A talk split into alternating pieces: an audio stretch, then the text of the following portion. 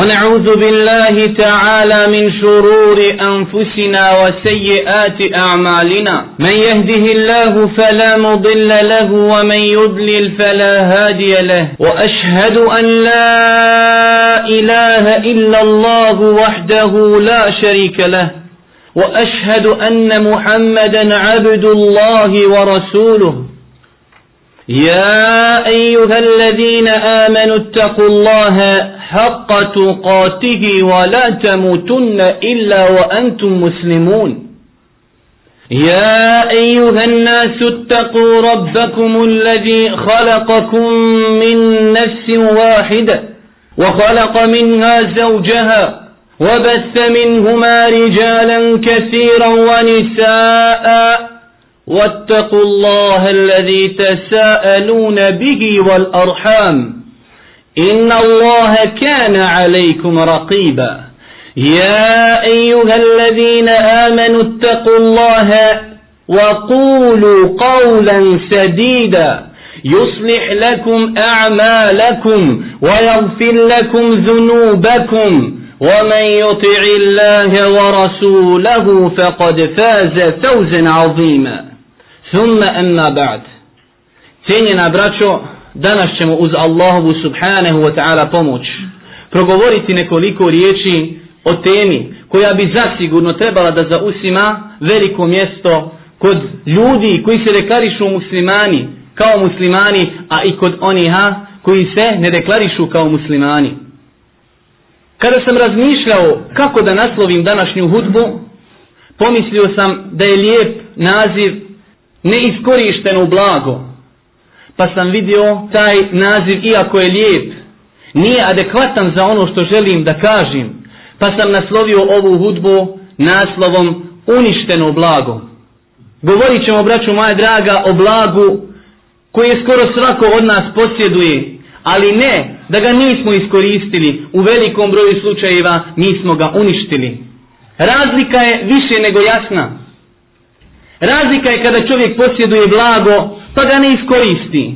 Zaista je to loša stvar, ali je mnogo gori da čovjek posjeduje bogatstvo i ne samo da ga ne iskoristi, već ga i upropasti.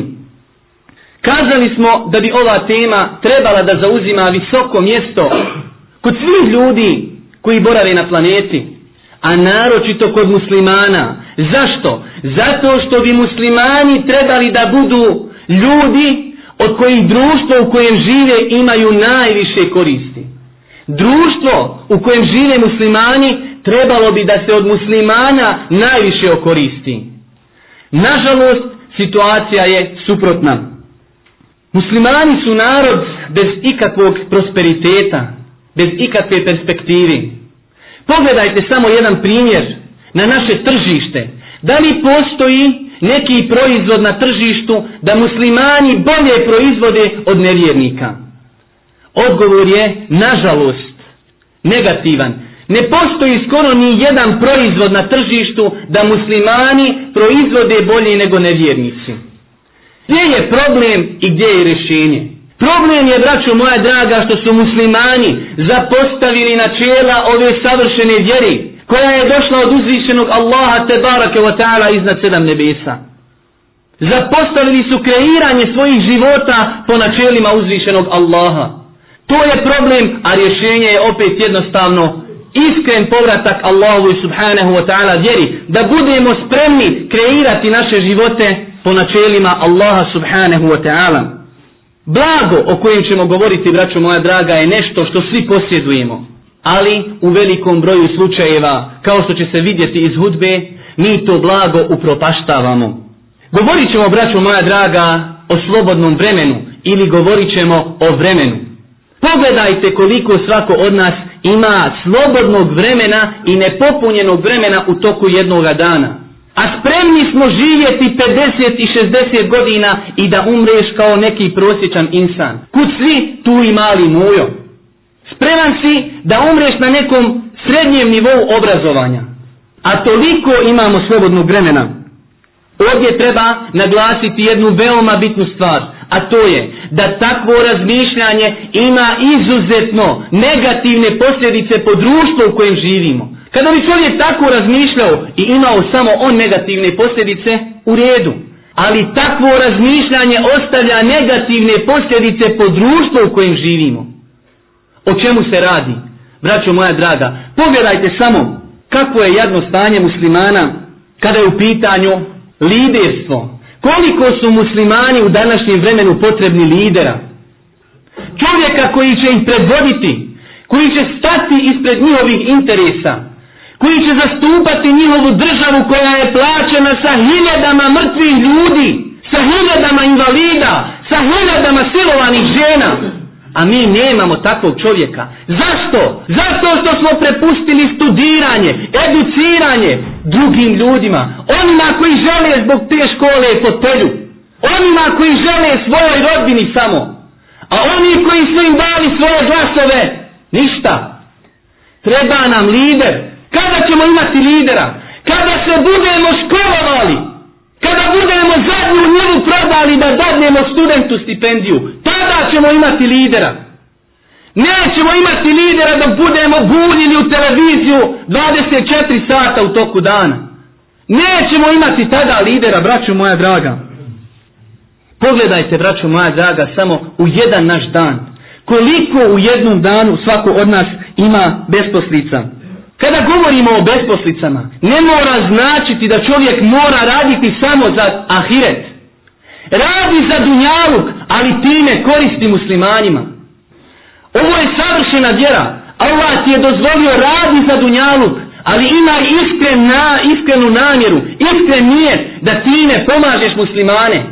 Nama treba dobrih ekonomista, dobrih informatičara. Treba nam svega, braćo moja draga. Ne treba nam samo dobri efendija. Treba nam svega. Zato kada kažemo slobodno vrijeme i njegovo iskorištavanje, ne mi učiš u Musafu. To je prvo. Ali treba da se educiraš kada su u pitanju i svjetovni znanosti. Problem je kod nas. Čovjek kada završi školu, zaboravi šta je učenje. Zaboravi šta je čitanje. Zaboravi šta je educiranje. To je, braćo moja draga, jedan veliki problem umeta. Zapostavili smo prvi imperativ u Kur'anu. Koji je prvi imperativ u Kur'anu? Itara! Uči! Nemoj ostati bolan zastupljen čitav život. Da te drugi predstavljaju. Ima i čovjeka koji će te predstavljati. Koji će boliti ono što se dešava u ovoj državi. To nam treba, braću moje draga. Žalosno je. Žalosno je što su muslimani tako jadni. Što su tako na jadnom nivou da su nasjeli na te nevjerničke spletke. Muslimani nemaju vremena. Zašto su zauzeti? Gledaju televiziju, gledaju Formulu 1, gledaju svjetsko prvenstvo, gledaju evropsko prvenstvo, gledaju serije italijanske. Nemaju kad da se školuju. Svakim danom satima i satima buljimo u televiziju, na kojoj u velikom broju slučajeva nema nikad se koristi. Muslimanima nije bitno ko će ih predstavljati. Bitno je da ima neko. Bitno je da ima neko. Muslimani kada izlaze na izbore, uvijek kažu, hajde da izaberemo manje zlo kada će muslimani ići na izbore pa da kažu imamo dvojicu dobrih lidera pa ne znamo koje da odaberimo dokle ćemo izabirati manje zlo kada ćemo jednom doći na nivo da izabiramo veći hajr kada se budemo školovali kada budemo svoju djecu u škole slali kada ne dopustimo da te funkcije obnašaju oni koji su prodane duše pogledajte samo u protokole sijunskih mudraca prije stotinu godina oni su govorili mi ćemo ljude zavesti zavesti i televizijom i na druge načine da nema dnu vremena da se bore za sebe Wallahi, došlo je to vrijeme i ako neću da govorim o vjerodostojnosti te knjige došlo je to vrijeme čovjek nema vremena da se bori za svoja prava nema vremena da se bori za svoja prava treba li ti reći mu sibe da te predstavlja neko ko ne zastupa tvoje interese. Ne treba ti veći musibe tako si razuman insan. Pogledajte naše bošnjake. Koliko ih je u dijaspori, u Americi, u Australiji. Je li se ikada neko vratio da je postao ekspert u određenoj znanosti? Bitno je da imaš posao koji je u 99 slučajeva šta? Bauštela, ne zna Bosna ništa drugo nego izgrađuj države Evropske unije koja će ti sutra proizvoditi WC šolje sa poklopcima na kojima je oštampan kuranski ajet. Izgrađuj Evropsku uniju koja će ti zabraniti Maramu, koja će ti zabraniti da ti ime Muhammed. E izgrađuj tu državu, ona će ti davati socijalu i vrati se nakon toga umosno da te ovdje ukopaju. Kada je se neko ozgor vratio školovan? Rijetko. Rijetko. I mi u Bosni nismo daleko od toga. I mi, braćo moja draga, mora da znamo da treba da se školujemo. Pogledajte jedan primjer. Koliko nas ovdje ima kompjuter? Šta znamo o njemu? Znamo samo pokrenuti onaj DVD i ništa više. Kada smo razmišljali o tome da upišemo neki kurs, pa da dobijemo certifikat, pa da ti kao musliman servisiraš kompjutere. Pa da tako budeš bajan. Jer ćeš tako sresti ljude koji nikada neće doći ovdje. Ali kada mu uradiš pošteno kažeš ovo sam ti uradio zato što sam musliman. Pošteno sam ti uradio zato što sam musliman. Bolje ćeš biti misionar i darija nego ja ovdje što stojim. Trebaju nam ljudi muslimani u svakom segmentu života. Mi kada bi imali te kuće pred kućnim vratima, ne bi pomislili da ih upišemo, a kamoli da idemo u Sarajevo pa da ih upišemo. Žalosno je, braćo moja draga. Žalosno je što nevjernike, koji nemaju od svog truda ništa, osim dunjaluk, vidimo i kada čekaju autobus, čitaju knjigu. U tramvaju čita knjigu. Pred avion čita knjigu. A ko nas kada bi to vidjeli, a naročito ako bi ta imao bradu ili ako bi žena imala mahramu, to bi bilo nenormalno djelo. Što ovaj sad glumi? Je li to neka nova vjera? Čita na autobuskoj stanici ali su zato nevjernici pretekli muslimane, pa im prodaju svoje proizvode kako hoće i pošto hoće. Muslimani ne znaju napraviti čip i čips, a da ne govorimo o autima i ostaloj tehnologiji. Ali zato nevjernici su sekundu podijelili, u njih je sekunda velika, pa su je podijelili u stotinke. A kod nas, ako ti ne dođi nupe, čekaj, doće, ako me nema, do sedam u osam idi. Kod nas, hajde bujrum, sedi, tri sata, četiri, pet, bujrum, imamo vremena na bacanje a kod njih sekunda je velika zašto kažu precizan ko švabo ili ko japanac gdje si čuo precizan ko musliman niješ nikad ničut i ne zaslužujemo nisu ljudi budale znaju oni kako se živi i ako sve od toga imaju dunjalut ali znaju a mi od toga imamo i dunjalut i ahiret i opet smo slabi opet smo slabi da je to jedini musibet, već je musibet što između toga i rada za ahiret postoji uzročno posljedična veza. Ako si smotan i ne znaš se truditi za dunjaluk, vallahi ne znaš ni za ahiret. A onaj koji je sposoban da uči i da se trudi, tako ćeš vidjeti da uči i Kur'an, i da daje sadaku, i da kolje kurbane, i da ide na hađ. Svatio je kako treba da živi. Svatio je Ali je mu sjebet muslimana što su zapostavili dunjaluk i što su zapostavili ahiret. Braću moja draga, ovo vrijeme o kojem govorimo danas ima svoju vrijednost veliku, ali znajte, pored svega toga, to je blagodat od uzvišenog Allaha te barake o teala za koju ćemo strogi račune polagati. Znajte, braću moja draga, zapamtite ovo dobro za svaku sekundu svoga života ćete polagati račun na sudnjem danu. Kaže Allahu poslanik alihi salatu wasalam u hadisu koji je zabilježio imam et tirmizi od Muaz ibn Džebela radijallahu ta'ala anhu sa vjerodostojnim lancem prenosilaca.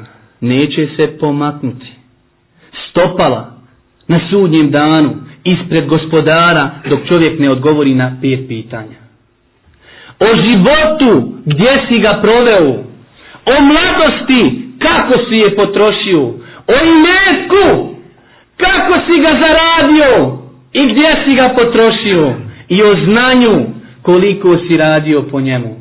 Bićeš pitan i bit ću pitan za svaku sekundu. Znaj da ćeš biti pitan za svaku sekundu. Pripremi dželab od danas. Allahu subhanahu wa ta'ala za svaku sekundu vremena koju si potrošio na dunjaluku. Pogledaj ti potpunost ove vjeri. Poslanik nije ništa ostavio da nam nije ukazao na to. Kaže Allahu poslaniku hadisu koji ga zabilježio imam Etirmizi od Ibn Abbas radijallahu ta'ala anhu. Dvije blagodati, velik broj ljudi je obmanjen u njima. Es sihatu wal farad. Zdravlje i slobodno vrijeme. Poslanik nas upozorio da su ljudi obmanjeni. Ali ljudi opet ostavljaju. S druge strane, u hadisu kojeg je zabilježio imam Hakim sa vjerodostojnim lancem prenosila sa Ibnu Abasa, stoji da je Allah poslanik kazao, iskoristi pet prije nego ti dođe pet. Iskoristi život, iskoristi zdravlje, iskoristi slobodno vrijeme, iskoristi metak.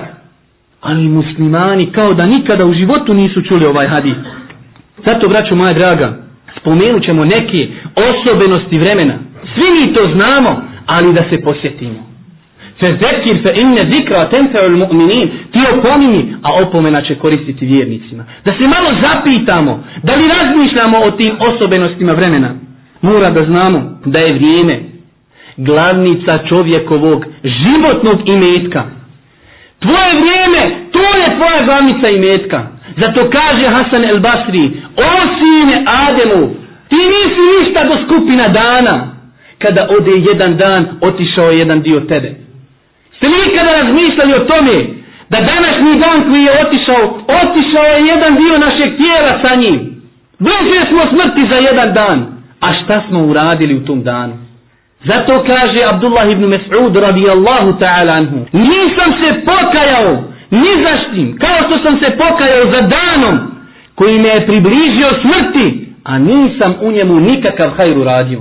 Kaže Hasan el Basri, ja sam živio sa ljudima, Ko? Sa shavima. Koje su škrtarili u vremenu? Više nego što vi danas. On se ogaća drugoj generaciji, tabi inima. Nego što vi škrtarite sa novcem. Tako je, braćo moja draga, i kod nas. Treba ti sat vremena da popijemo kafu, bujrum. Treba ti dva sata za sjelo, bujrum. Treba tri sata za senju, bujrum. Treba sat i po za utakmicu, bujrum. Treba Marka, ne može, teška. Ashabi suprotno. U njih treba Marka, evo, samo nemoj vremena. Zove me gdje sjedi, zaustavi, kaže, sunce. Tada ću sjest, inače ne sjedam. Sunce ode, ode dan. U nas uvijek naopako. Para ne može, vremena koliko god. Sve to, braćo moja draga, i te kako ukazuje da nismo shvatili osnovne stvari koje se vezuju za Allahu subhanahu wa ta'ala vjeru.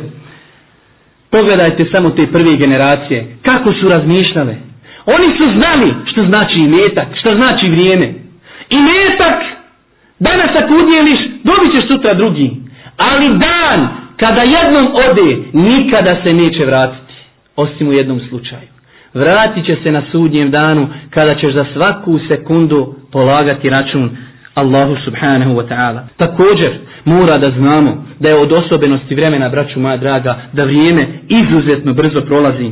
Naročito, naročito u današnjem vremenu, kada je sa tehnološkim dostignućima došlo mnogo mubah stvari, a da ne govorimo o onim haram i zabranim stvarima, koje jedu, koje uništavaju čovjekovo slobodno vrijeme. Uništavaju. Pogledajte, braću moja draga, samo jedan primjer. Jeste li ikada žalosno je što to moram pitati. Jeste li ikada sjedili u džami od Akšama do Jacije? Zato što je poslanik kazao, ko sjedi između dva namaza na njega, meleki donose salavate. Ako smo ikada sjedili, vidjeli smo kako je to dugo vrijeme. Nikad učiš Kur'an, zikriš, klanjaš, pa nikad ta jacija. Nikad. A u kući sjediš, prvo polu vrijeme, sad pa sad. Dnevni, sad pa sad. Došlo čovjek na sjelo, sad pa sad. A kad si u ibadetu, nikad.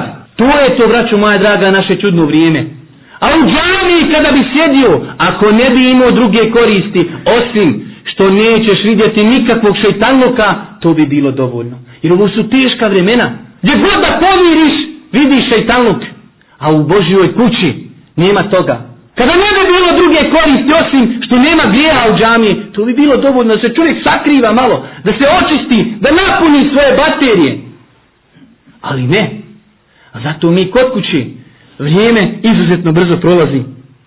Također od osobenosti vremena jeste i to da se vrijeme ne vraća. Da se vrijeme, braću moja draga, neće vratiti. Prenosi se od jednog islamskog učenjaka. Na jedne prilike sjedio u haliki svoga šeha. Pa mu se slomila olovka. Pa je kazao ljudima koji su sjedili oko njega, dajem zlatnik. Ko će mi dati olovku? Pa su svi ljudi kazali, evo olovka, koju u današnjem vremenu, zamislite da vam neko dadne zlatnik za olovku. Možeš za zlatni kupiti stotine olovaka.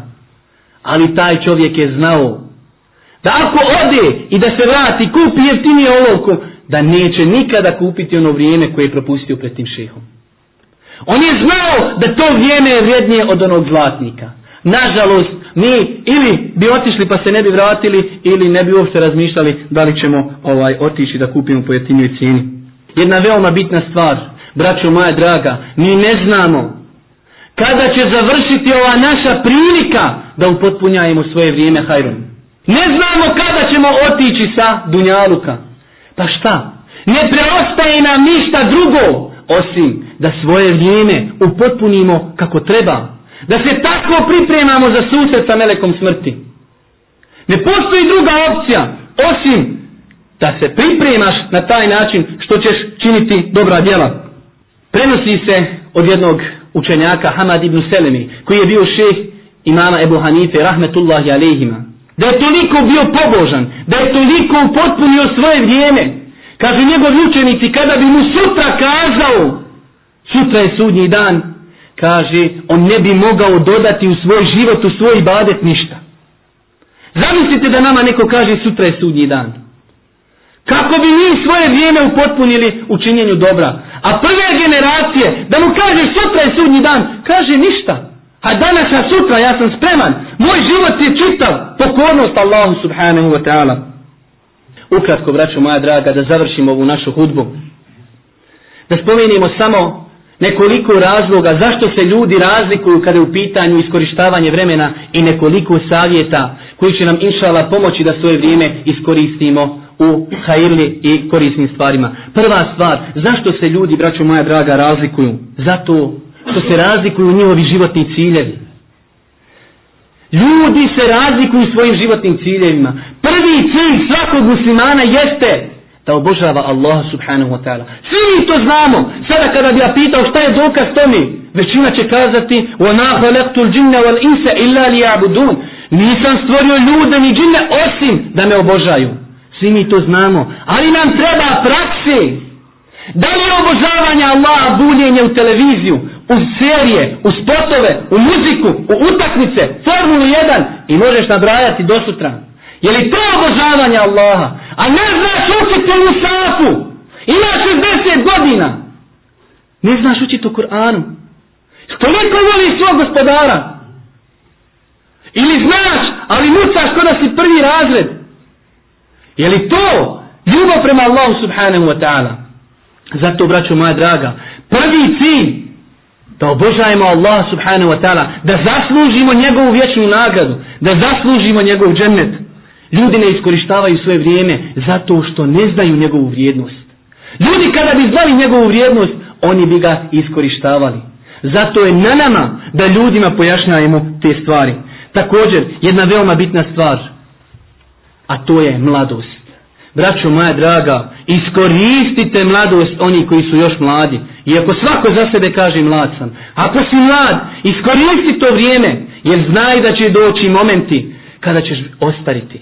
Nećeš moći ibadeti te kao što si ibadeti u mladosti. Zato, braću moja draga, nije slučajno što će čovjek za mladost na sudnjem danu biti pitan dva puta. Kaže Allah u poslanik, čovjek će pitan biti za život, pa i za mladost. Za mladost ne potpada pod život, potpada, ali zbog njene važnosti i bitnosti dva puta ćeš za nju odgovarati. A s druge strane, ako je, utrošiš u ono što treba, Ako bude potrošena u ibadetu, znaj da te čekaju velike nagrade. Sedmorica ljudi će biti u vladu Aša na sudnjem danu. Kada se drugi budu kupali u znoju, neko će biti u vladu Aša. A jedan od njih je mladić koji je svoju mladost potrošio u pokornosti Allahu subhanahu wa ta'ala. Pogledajte samo kako čovjek musliman treba da ima visoke ciljeve. Ne samo da mu je cilj da svoje vrijeme upotpuni u hajru.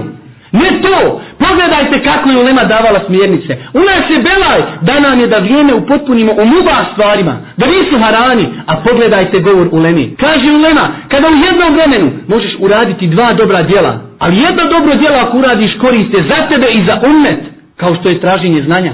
A drugo djelo možeš uraditi samo je korist tebi. Kao klanjanje na fili. Tada ćeš dati prednost djelu koja koristi umetu i tebi. Oni su govorili da trebaš upotpuniti svoje vrijeme i šta? Da što bolje ga upotpuniš. U nas da je naše muslimane prevariti da samo u muba dozvoljenim stvarima provode svoje vrijeme. Drugi primjer koji navode islamski učenjaci kaže ako imaš priliku da uradiš djelo koje je vremenski ograničeno kao doba između ezana i kameta i djelo koje nije vremenski ograničeno kao učenje Kur'ana da ćeš prednost onom djelu koje je vremenski ograničeno a nakon toga ćeš raditi ono koje nije vremenski ograničeno.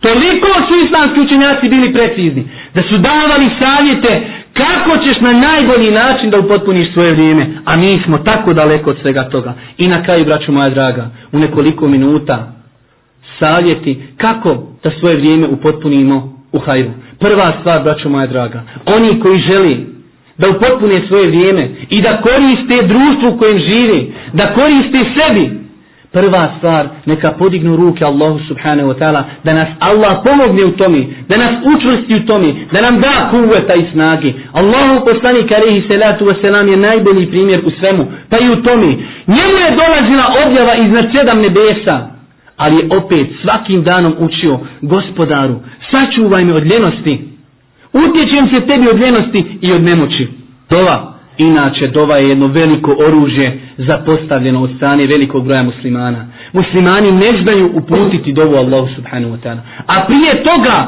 zakazali su u uvjetima da bi nečija dova bila primljena. O tome ćemo možda nekada drugi put. Također, jedna veoma bitna stvar. Kada ti nestane elana i morala da radiš, da upražnjaješ svoje vrijeme u hajili projektima, postavi sebi pitanje šta si uradio za ovaj napačeni narod? Šta si uradio da se bošnjacima ne desi ono što im se desilo 92. Šta si uradio da se proširi ispravno znanje? Šta si uradio? Šta si uradio da se ovo neznanje suzbije? Šta si uradio za svoj narod? Postavi sebi pitanje. Šta si uradio da pomogneš braći muslimanima? Jer pogledajte, braćo moje draga, šta nam se dešava. Na svakom koraku se proljeva muslimanska krv. Muslimanke se siluju.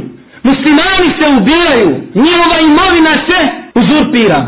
Kada ti nestane morala, kada ne imadneš elana da radiš, prisjeti se toga. Zamislite jedan primjer i to će vam biti i te kako jasno u čemu se mi nalazimo. Zapaliti se kuća, a ti nazoveš vatrogasce. Pa kažeš ljudi na toj i toj adresi gori kuća, a oni kažu stižemo. Samo dok završi utakmica, tek je počela. Ljudi uzgori mi imovina. Pa šta paničiš dok završi utakmica? Tako muslimani, kuća umjeta gori. Gori u poniženjima. Gori u salovanju. Gori u gojanju. A muslimani bulje u televiziju. Polako dok završi utakmica. Neće i bola nikad nestati. Neće. Jer ne shvataš da im nikad neće nestati. Svake godine ima svjetsko ili evropsko prvenstvo. Nikad im neće nestati bolan. Umet gori u iskušenjima. Istorija ne je zabeležila da su muslimani ponoženi kod danas. Ali bolje mi serije italijanske. Zaslužujemo vallar i ono što nam se dešaje. Inna Allahe la yugajiru ma bi kaumin, hata yugajiru ma bi enfusim. Allah neće promijeniti stanje jednog naroda dok se oni ne izmijenu. Kada se vi izmijenite, dobit ćete bolji. Ako budete samo muslimani imenom, imat ćete ono što doživljavate svakim danom. Također, od dobrih načina, metoda, kako da se čovjek primora da popuni svoje vrijeme dobrom, jeste, sjeti se smrti, brate. Sjeti se, bolan, da si ti možda prva mušterija meleka smrti svjesni se da ti niko ne može garantovati da ćeš živjeti do sabaha. I svjesni se da ćeš odgovarati za svaku minutu. Svjesni se da se nećeš pomakljati ispred gospodara dok ne odgovoriš. Gdje si bio? Jesi li radio hajr? Jesi li ibaditio? Ili si bunio u šeitana najvećeg u 21. stoljeću? I na kraju, braću moja draga, izuzetno plodonosan način jeste da čitamo biografije islamskih velikana. Mi smo umme koji ima historiju, koju da imaju drugi narodi, ne bi nikada prestali da je ponavljaju. Mi smo umme koji se ima čime pohvaliti. Imamo Buhariju, imamo Cirmiziju, imamo Abu Hanifu, imamo Šafiju, imamo poslanika, imamo Hele da Alima. Imamo šta čitati. Ne moramo čitati bajke i crvenkapice. Trebamo našoj djeci da dajemo i da ih učimo historiji naših velikana. Da sutra kada ih zadesi musibet, da im nije teško. Imam Buharija, kada ga je zadesio musibet na putovanju, pa je morao jesti lišće, nije mu bilo teško. Zašto? Zato što u svom sahihu prenosi i predaje da su ja sahabi jeli lišće. Ne mu bilo teško. A da to nekad nije pročito, možda bi rekao, o Bože, zašto ja, ko što bošnjaci kažu, šta sam ti ja skrivio, Skrivio si bolan. Zato što nisi onako kako treba. To smo skrivili.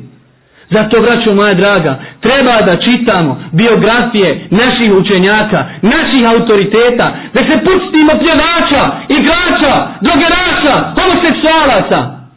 Vallahi, sunne vallahi, ti ljudi kada bi se izmjerili u dunjalučkim parametrima ne zaslužuju da se slijedi. Slijedi pjevača koji svake noći koristi drogu i pije alkohol svaki dan nepokoran Allahu i njega naš omladina slijedi e uzu billahi do te mjere ostavio si onoga koga ti kaže gospodar vin poslaniku imate divan uzor a uzeo si slijediti šeitana koji ne vrijedi ništa molim Allaha subhanahu wa ta'ala da nas popravi da nam bude milosti na sudnjem danu i da nas uvede u džennet Allahumma aizza l'islame wal muslimin Allahumma aizza l'islame wal muslimin اللهم أعز الإسلام والمسلمين وذل الشرك والمشركين اللهم أعز الإسلام والمسلمين وذل الشرك والمشركين اللهم انصر إخواننا المجاهدين في كل مكان اللهم انصر إخواننا المجاهدين في كل مكان اللهم انصر إخواننا المجاهدين في كل مكان اللهم كن لهم ناصرا ومعينا اللهم كن لهم ناصرا ومعينا اللهم كن لهم ناصرا ومعينا اللهم اغفر للمؤمنين والمؤمنات والمسلمين والمسلمات الأحياء منهم والأموات إنك يا مولانا سميع قريب مجيب الدعوات وصل اللهم على نبينا محمد وعلى آله وصحبه أجمعين